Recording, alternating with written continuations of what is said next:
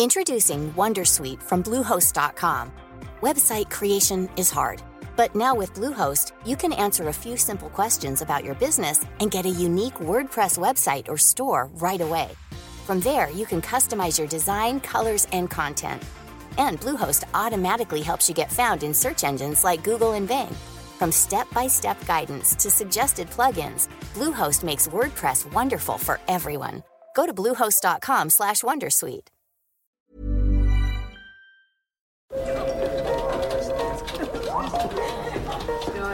Dette er lyden av norsk næringsliv. Akkurat nå tas det små og store valg som kan bli avgjørende for fremtiden. Med økonomisystemet X-Leger tas disse beslutningene basert på informasjon i sanntid, slik at drømmer og ambisjoner kan bli virkelighet. Få kontroll og oversikt, gå inn på xledger.no. Denne sendingen er sponset av Xleger.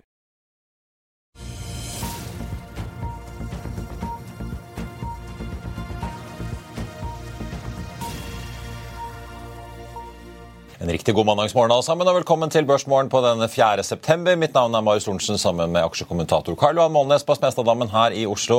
Europeiske futures peker svakt opp, og både DNB og Nordnett venter en oppgang på rundt 0,1 fra start her hjemme på en dag der amerikanerne har tatt seg fri for å feire Labor Day, samtidig som ledigheten der borte stiger. I dagens sending så skal vi snakke om offshore og supply, får jeg si, med ferdig analytiker Theodor Sørli. Vi skal drøfte, drøfte hva som kan røre seg i Nvidia, men aller først må vi titte litt på markedet, for oppgangen på Oslo Børs i dag ventes etter at vi altså forrige uke så en oppgang på hele 2,75 til nesten 1266 poeng. SMP 500 lå ikke langt bak, med en oppgang på 2,5 i forrige uke, mens da Nasdaq slo får vi si, alle med 3,25, Dow Jones opp 1,4. På selve fredagen så endte vi opp 0,81 her hjemme, litt blandet på Wall Street, da Nasdaq var noe ned. og Det skjedde jo da etter at vi fikk disse sysselsettingstallene fra USA for august måned. Det ble skapt 187 000 nye jobber over estimatet på 170. Man reviderte imidlertid både juni- og julitallene kraftig ned.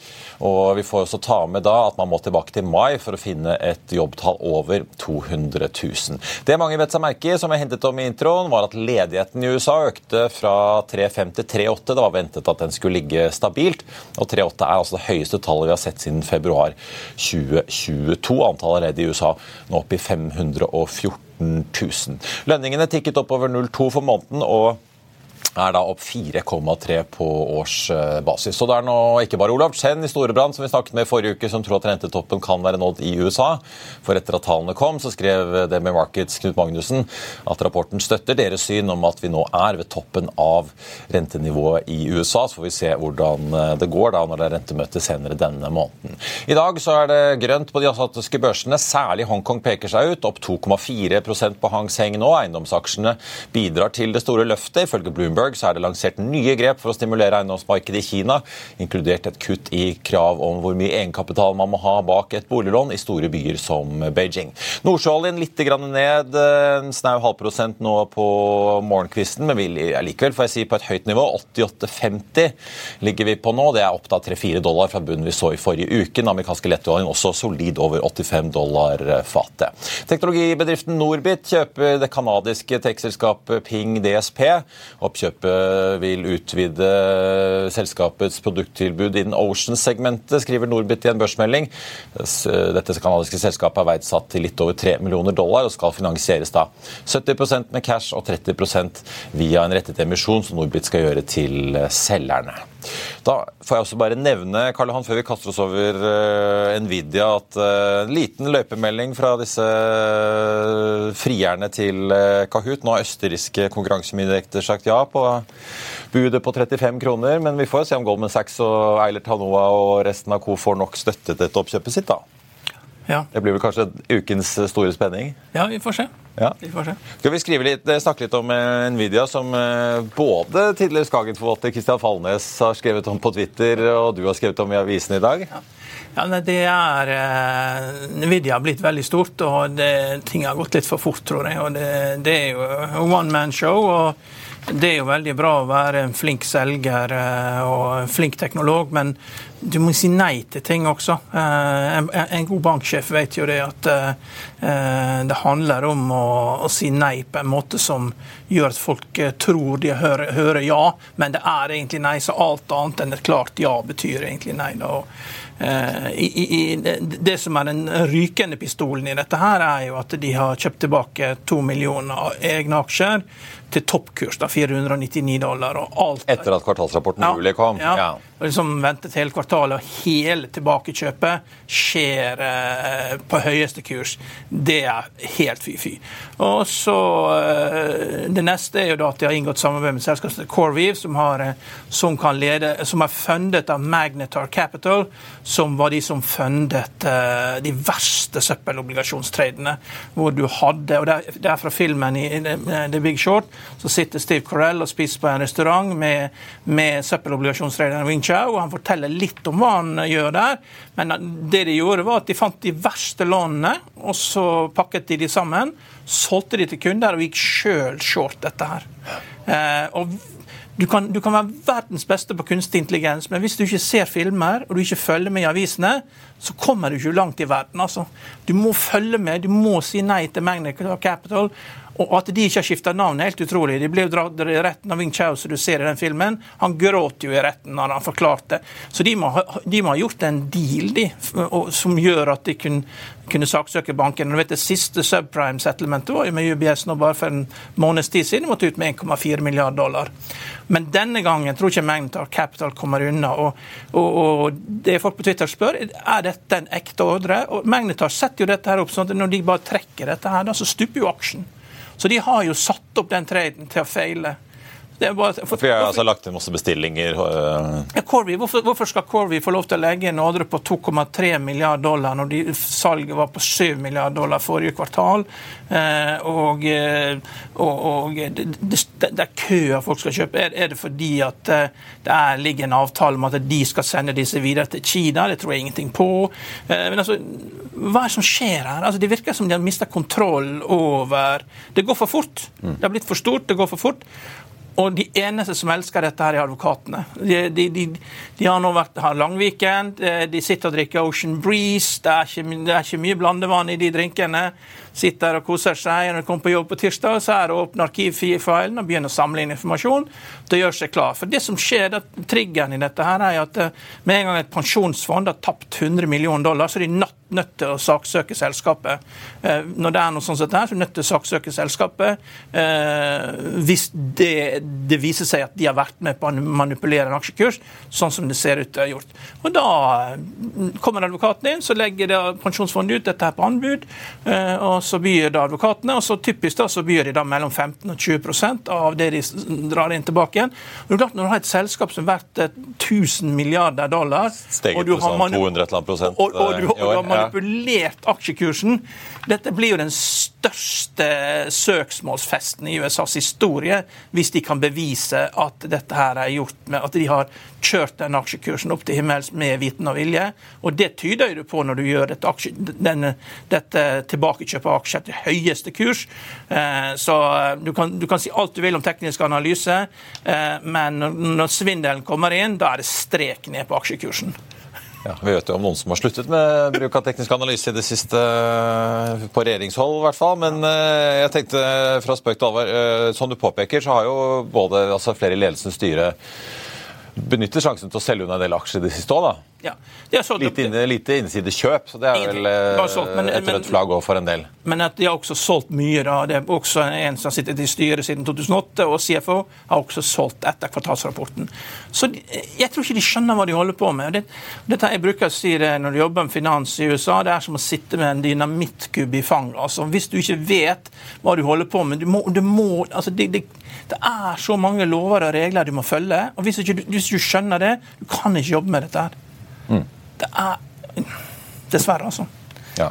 Det, det, det, de er, altså, Nvidia er et selskap som ikke er klar for primetime. rett og slett. Disse gutta her de kan ikke styre dette selskapet. Det har de vist.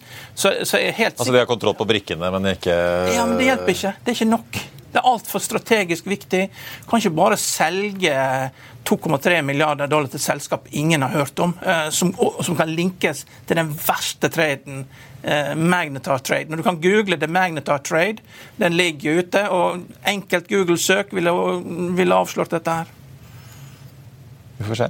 Det er, eh, det er, ikke så lenge siden de kom med siste kvartalsrapport, men det kan jo skje ting utover høsten nå. Ja. Vi får følge med.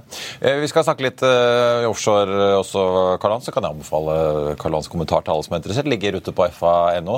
Norbit som er ute på, opp 0,3% fra start. Kahoot ligger flatt foreløpig på 34,25. Budet fra Goldman Sachs-grupperingen og Eilert Ternoa med resten av oppkjøpskonsortiumet, som det så fint heter, på 35 kroner aksjen. Fristen er da i, senere i denne uken. Oslo Børs starter opp 0,3 36 og har da bikket over 1270. Vi er tilbake med Theodor Sørli.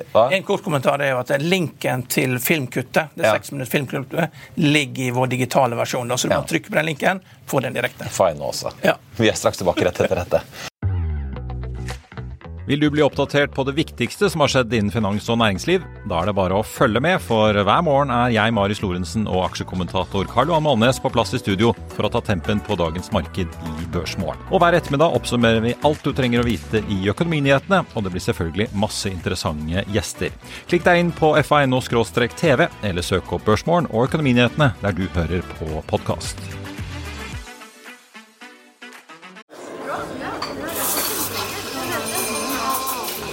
Dette er lyden av norsk næringsliv. Akkurat nå tas det små og store valg som kan bli avgjørende for fremtiden. Med økonomisystemet X-Leger tas disse beslutningene basert på informasjon i sanntid, slik at drømmer og ambisjoner kan bli virkelighet. Få kontroll og oversikt, gå inn på xledger.no. Denne episoden er sponset av van Brun, en fremtredende smykkeforhandler kjent for sitt brede utvalg av forlovelsesringer, gifteringer og diamantsmykker som bæres og elskes i generasjoner. Et frieri er en av de største øyeblikkene i livet, hvor forlovelsesringen er et tidløst symbol på kjærligheten. Valg av ring krever omtanke for både hvilket metall og diamant, med et bredt spekter av både naturlige og labdyrkede diamanter, og metaller som platina, gult gull, hvitt gull og roségull, hjelper de deg med å sette et personlig preg på din kjærlighetshistorie. Van Brun vil gjerne invitere deg til å prøve på tre av dine favorittringer fra nettsiden helt kostnadsfritt. Du kan også låne et bredt spekter av frieriringer, slik at du og din forlovede kan velge en ring sammen etter det store ja. Van Brun tilbyr 90 dagers åpent kjøp og 90 dagers gratis størrelsesjustering. Utforsk deres eksklusive sortiment i luksuriøse omgivelser. Bok en konsultasjon sammen med en diamantekspert i deres showroom i Oslo. Eller online på vanbrun.com. V-a-n-b-r-u-u-n.com.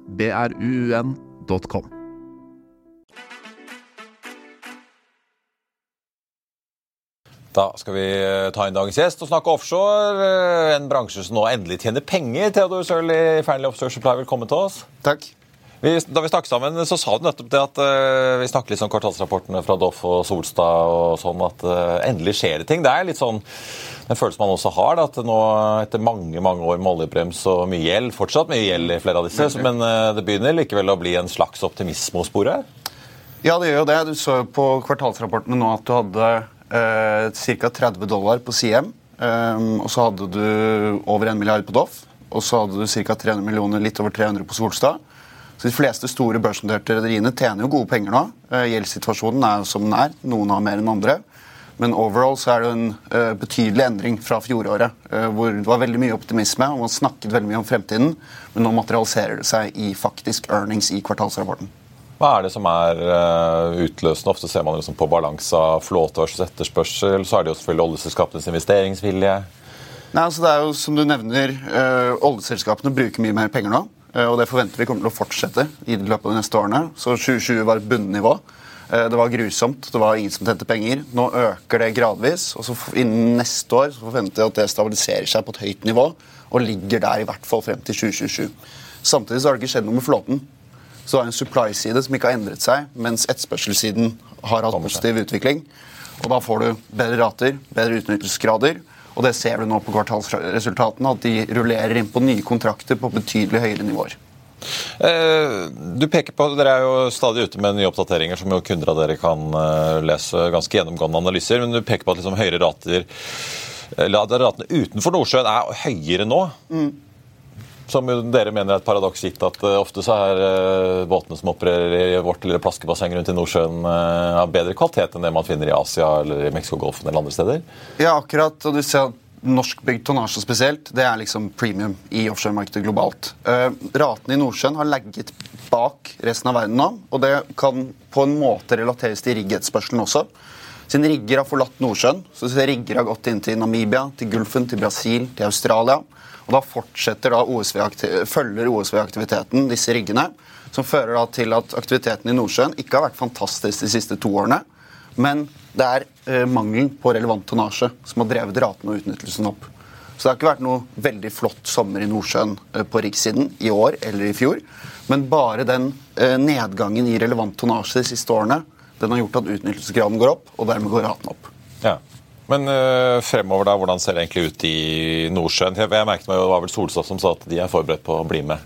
Ja. Bli med nedover til både Afrika og andre regioner for å fortsette å sysselsette båtene sine? Uh, ja, og, og Nordsjøen nå uh, utover høsten og vinteren så er det ikke noe spådd noe sånn riggbonsana. Uh, du ser neste år så begynner effekten av noen av de puddene som ble lagt inn i fjor å komme. Så kom jo pudder for over 200 milliarder kroner innen nyttår i fjor grunnet oljeskattepakken. Eh, de vil jo føre til høy etterspørsel frem mot 27-28, siden da skal de prosjektene live.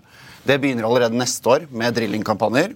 Så hvis du ser liksom fra høsten og vinteren, ikke noe ekstrem etterspørselsside, men supplyen er jo fortsatt veldig veldig liten. Og du ser de etterspørselsdriverne globalt trekker båter ut av Nordsjøbassenget. Sist så nevnte jo dere forrige uke Solstad. Fem ankerhåndterere på lang kontrakt i Afrika.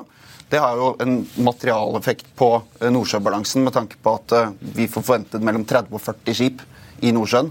Så når du tar ut fem båter på én kontrakt, ja. det er en ganske, ganske, stor andel av flåten. rett og slett. Samme PSV-er. Vi vet om i hvert fall uh, opp mot ti PSV-er som skal ut på lengre jobber utenfor Norge. Og da kommer de jo trolig tilbake på et tidspunkt, men i de periodene så får du trangere spotmarked i Nordsjøen. Eh, skal vi snakke litt om også finansieringen, for selv om eh, inntjeningen begynner å bli langt hyggeligere, så jobbes det jo fortsatt på kammerset med opprydning i balanser og greier. Mm. Doff har jo gjenoppstått, eh, eller blitt født på ny, med børsnotering i våres. Solstad ned fra en rundt 21 til 15 milliarder gjeld nå, mm. med salget av alle disse supply-båtene til Tidewater. Men de har likevel mye forfall neste år som de jobber med å refinansiere. Hvordan ser egentlig på en måte bankenes og investorenes interesse ut om dagen til å refinansiere og stille opp med finansiering til disse rederiene? Um, på gjeldssiden så er det ganske tøft. På vanlig tradisjonell bankgjeld så har de store bankene gått gjennom en periode hvor de har ønsket å redusere eksponeringen sin mot bransjen. Så veldig mange gikk på ganske tøffe smeller under krisen. Og du ønsker å redusere eksponeringen sin, og du ser en del lån ikke rulle videre etter de mature. Det er ikke isolert sett positivt for bransjen, men det er alternativ kapital tilgjengelig, som f.eks. leasing. Eh, og egenkapitalmarkedet innenfor offshore er vel kanskje noe av det sterkeste du har, i hvert fall på Oslo Børs nå. Sentimentet er veldig sterkt, earningsen går opp, investorer er villige til å tilby risikokapital, holdt jeg på å si.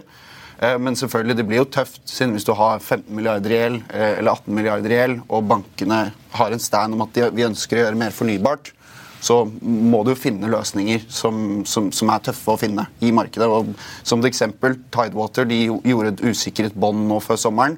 Det er verdens største og mest det, globale, eh, mest likvide offshoreselskap. Og de hentet penger på over 10% ja. Så kapitalen er dyr. Det, da, skal du, da, skal du, tjene penger på det du driver med. Det er akkurat det. Men sånn som, sånn som uh, Exxon gjør jo det veldig bra i Guyana. 6 milliarder dollar i overskudd, veldig mm. lave skatter. Og Doff Group har en stor rammekontrakt med de. Er det, er det, kommer det mye mer aktivitet eh, rundt der som trekker tonnasje ut fra andre rederier? Vi mener definitivt det. Exxon Mobil de har jo eh, planlagt én FPSO-oppstart hvert eneste år fra neste år til 2030 bare i Guyana. Eh, break-even på de FPSO-ene ligger mellom 25 og 35. Så det sier litt om lønnsomheten de har i prosjektet. På hvert av produksjonsskipene på feltene? Akkurat. Og det gjør også at vi blir veldig positive til bransjen på mellomlang sikt, siden nå produserer du på en helt annen break-even. Det er en helt annen helse i sektoren. Equinor sa i sin årsrapport nå at uh, for alle prosjektene de utvikler i sin pipeline i dag, så har de en uh, payback-periode på to og et halvt uh, år. halvannet på norsk sokkel. Eh, Ja, du skal drive litt så vi- egenreklame, men de har to og et halvt for hele globale eh, Riktig. Og det sier jo litt om kall det, helsen i sektoren. og Derfor mener vi at eh, det er mye mer eh, sunnhetstegn, og at oppturen kan vare lenger. Siden du får ikke den ekstreme sykliske oppgangen hvor oljeselskapene tenker ok, nå skal vi ha tilgang på den infrastrukturen vi trenger. og så tjener du veldig mye som offshore-reder, siden ratene går veldig veldig fort oppover. Men nå er det mer disiplin blant kontraktørene og oljeselskapene. Du får en gradvis oppgang som gjør at du ikke får den der ekstreme boomen bust. Eh, Så hvor mye supporttonnasje drar nye, hver nye FPSO? Hvor store er disse her? Er det, det varierer enormt på hvor de ligger i verden. Hva er vanndybden? Ja. Hvilken region Men nå opererer. er med Guyana. altså Dette er jo deep, Ja. deep water. Altså, vi, vi teller innenfor f.eks. Gulfen så ligger du på opp mot fire PSV-er per enhet som produserer. Og så har du jo en eh, stor installasjonsfase eh, hvor du kan trekke Vi vet om FPSO-hookups som har trukket fem ankerhåndterere over en lengre periode. Så du kan jo begynne å legge på alle de FPSO-ene som skal opp nå. Du har jo Johan Castberg neste år i Nordsjøen.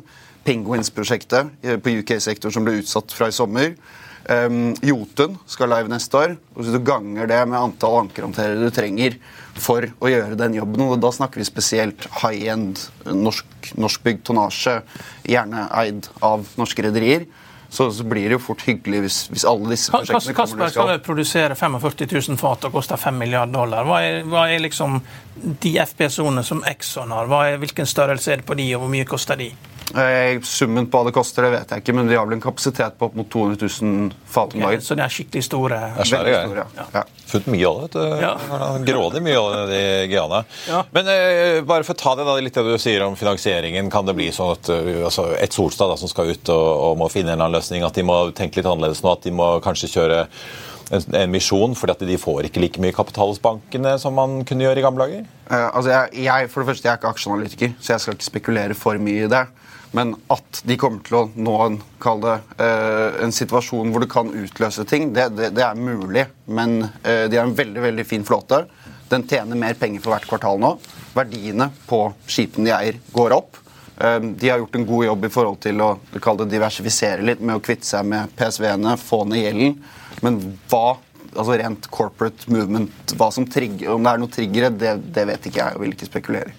Men Si litt om eh, transaksjonene, som dere jo følger også mye med på. Solstad var en av de som solgte en hel, eh, hel flåte med PSV-er til Tidewater. Men det har jo vært, som dere omtaler i siste rapporten, eh, Standard Supply solgte en enkeltbåt til Atlantica, er det vel det heter. Shipping. Hvordan liksom ser transaksjonsmarkedet ut, da? Transaksjonsmarkedet ser bra Blir det mye wheeling og dealing nå som liksom ting ser litt lysere ut? og... Ja, men eh, når det ikke er tilgang på kreditt, så møter du et tak på priser. Så hvis det kun er egenkapital tilgjengelig, sånn som det er i dag, så møter du ganske fort et tak, siden du får ikke levret opp transaksjonene. Og når den kreditten blir tilgjengelig, så forventer vi at prisene løper ganske mye fortere. Selv om de har løpt vanvittig mye de siste 18, øh, 18 månedene, så forventer jeg at det aksele- akselererer fortere når kreditt blir tilgjengelig. Men per i dag, for å løfte transaksjoner, så trenger du egenkapital. Og det er jo begrenset hvor mye egenkapital som er tilgjengelig. rett og slett. Eh, For en enkel PSV til 10 dollar, det kan de fleste løfte med egenkapital, men et flåtesalg til 200 dollar, det er ikke alle som har det i banken og kan løfte det med egenkapital.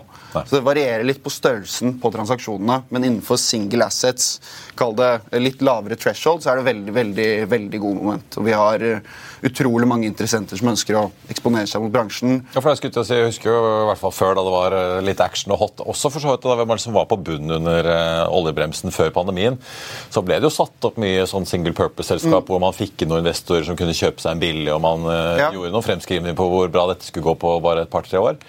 Ja, det er, liksom å se at ja, det er eh, her, her begynner folk å ringe inn igjen eh, til meglerhusene og Prosjekthusene i Oslo har hatt bra uh, volum nå siden våren i fjor. Det har blitt gjort mye dealer, spesielt på PSV-er, eh, siden det er kall det det simpleste segmentet. Det er det som gikk først også, i forhold til rater og verdier. Og jeg, jeg kan ikke telle altså, akkurat hvor mange, men sikkert over ti eh, egenkapitaldealer som har blitt gjort av prosjekthus eh, i Oslo de siste 18 månedene. Du har jo Subsea 7 som har prøvd å legge inn bud på Doff Group. og mm. Doff Group er jo relativt mye bedre kapitalisert enn Solstad. Tror, hvis de ikke får Doff Group, tror du de kommer til å legge inn bud på Solstad? Det vet jeg ikke, men at de trenger båter, det er jo ganske sikkert og visst. Eh, Du har jo hatt en eh, backlog som har vokst og vokst og vokst for subsea-kontraktørene nå.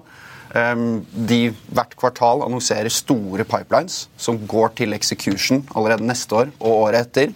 Deres eksisterende flåte begynner å nærme seg full utilization. Og da er det jo trolig at du enten må ta inn skip på long term charter eh, eller kjøpe skip. Eh, Om de har kapitalstruktur til å kjøpe et svært rederi som Solstad, det, det skal ikke jeg spekulere i, men at det er OSV-behov fremover, det er trolig. Men CM Offshore har en markedsverdi på 5,5 milliarder. Det er det stort sett bare PSV-er det, slik at de ikke får noe nytte av det. Subsea 7 i samarbeid. Nei, Siem de har ni ankerhåndterere, fire uh, konstruksjonsskip, et par PSV-er og noe assets nede i uh, Brasil. Uh, men det er jo litt sånn, litt sånn som en investeringsbank og, og en analysedepartement. Det skal være Chinese balls, siden du har en litt sammenlignbar eh, aksjonærbase.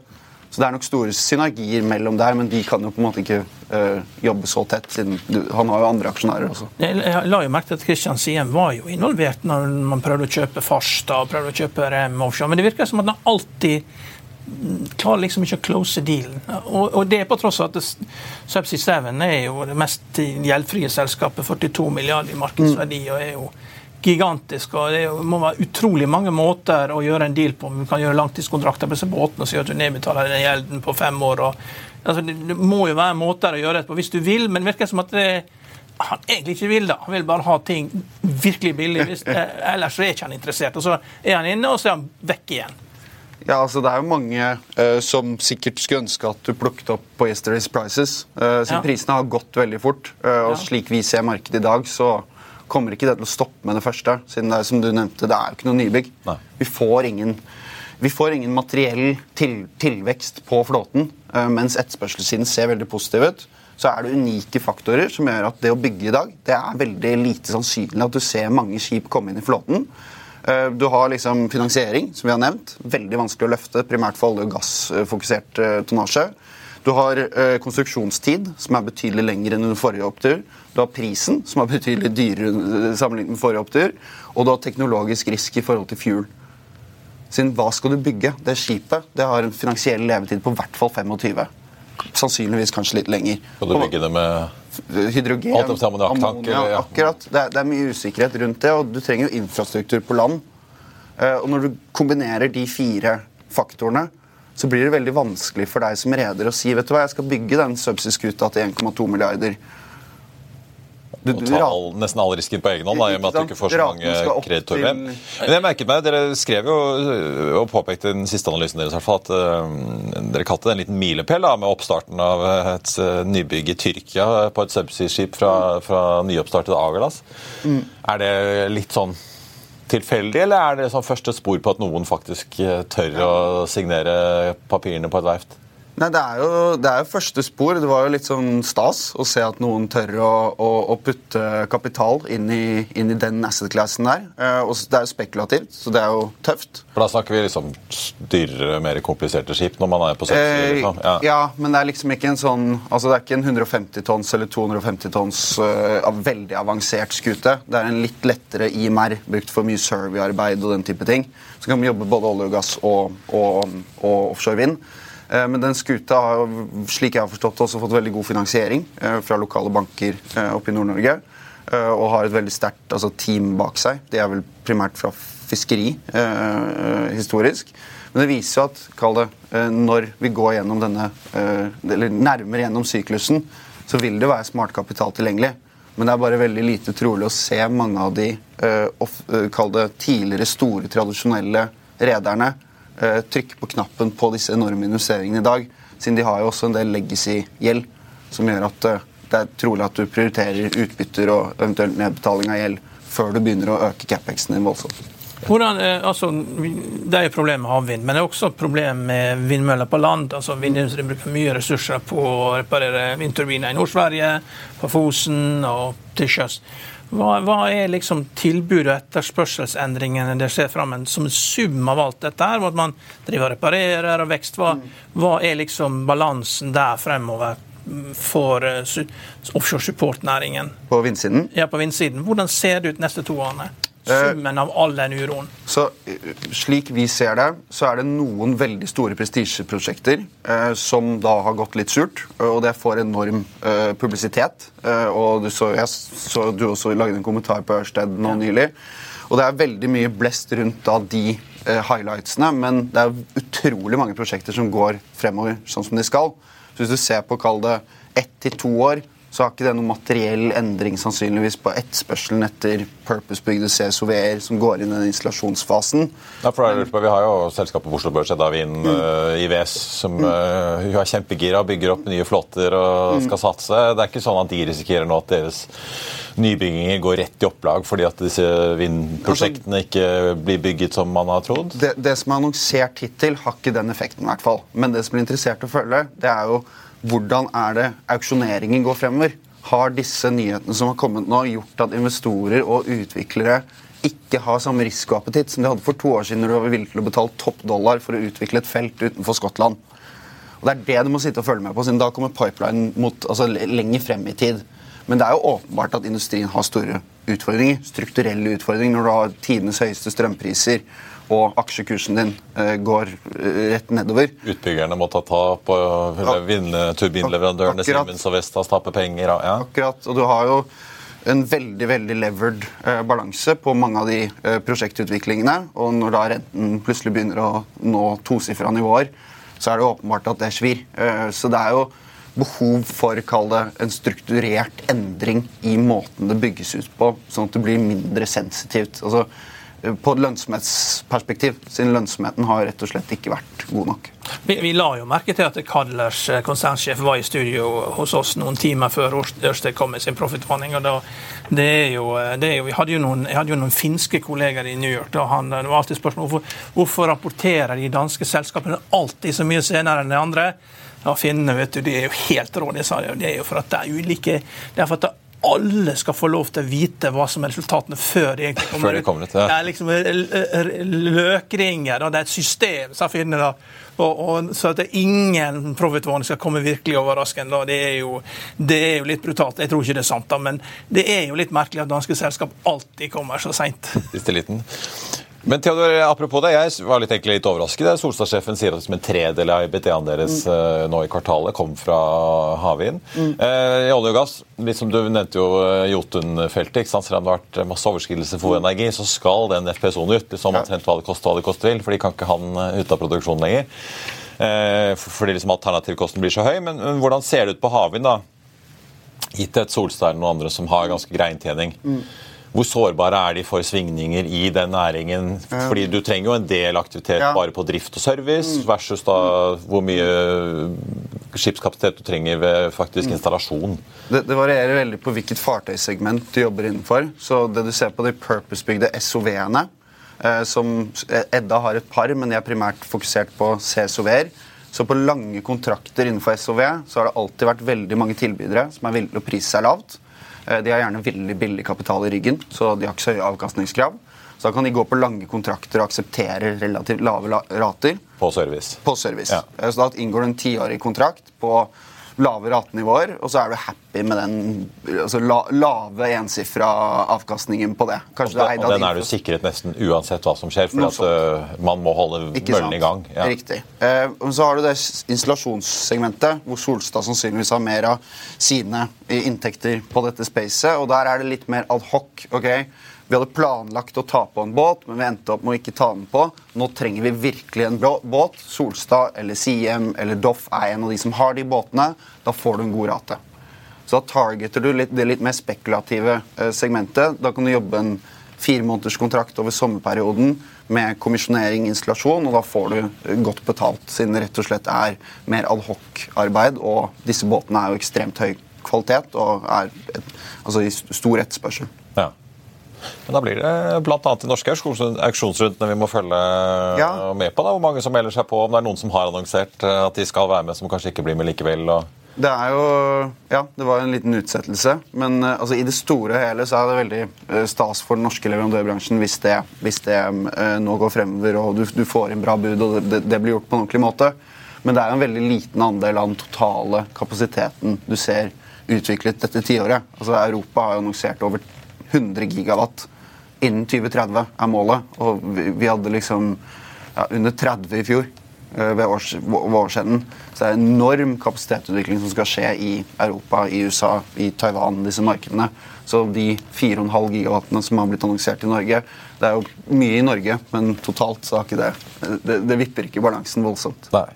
Er det kanskje nok til å Jeg vet ikke hvor hot det blir i havvind, men er det nok til å få eh, liksom disse gamle båtene som har vært i opplag, eh, å få de ut og tilbake i live igjen, eller Eh, nei, er det jo liksom ganske låst? eh, At man enten må bygge nytt? Det er nesten ikke noe igjen innenfor de avanserte segmentene. Så Hvis du ser på subsea, så er det liksom ikke noe, det er ikke noe eksesskapasitet som du bare kan hente ut. Hvis du ser på store PSV-er, så er basically alt ute. Um, offisielle flåtetall sier at det ligger masse enheter i Vest-Afrika og Gulfen, men ratene har jo eksplodert i de områdene. Så det er veldig lite trolig at det er relevant. Så lett å få de ut? Akkurat.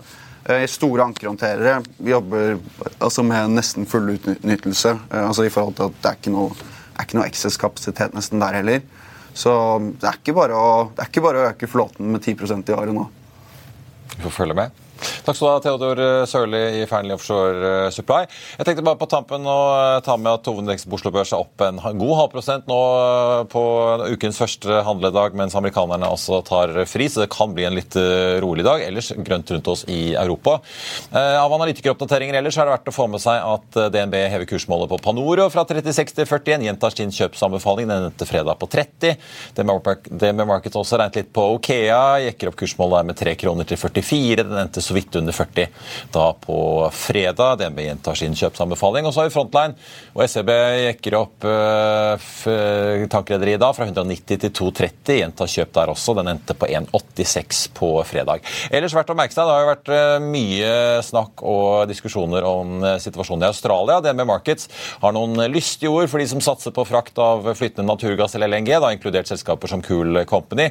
De nå i, skriver nå i en ukes rapport at vi er jo på vei inn i da høysesongen for gasskraft. og Selv om europeiske gasslagre skal være fullere enn de var på vei inn i vinteren i fjor, så gjør da den australske konflikten at eh, asiatiske og europeiske kjøpere i større grad i år kan måtte konkurrere om de samme lastene fra USA og eh, Midtøsten. Og For LNG-rederiene så kan dette da innebære lengre seilingsdistanser og økte marginer på arbitrasje. Begge deler positivt for ratene. Så får vi se hvor bredt disse LNG-toppene smiler utover høsten og vinteren. Det var børsmålen for den 4. september. Husk å få med deg Økonominyhetene 14.30. Da har vi med oss Trygve Hegnar. I mellomtiden så får du siste nytt på FA1 og gjennom hele dagen. Ha en riktig god mandag alle sammen. Vi ses.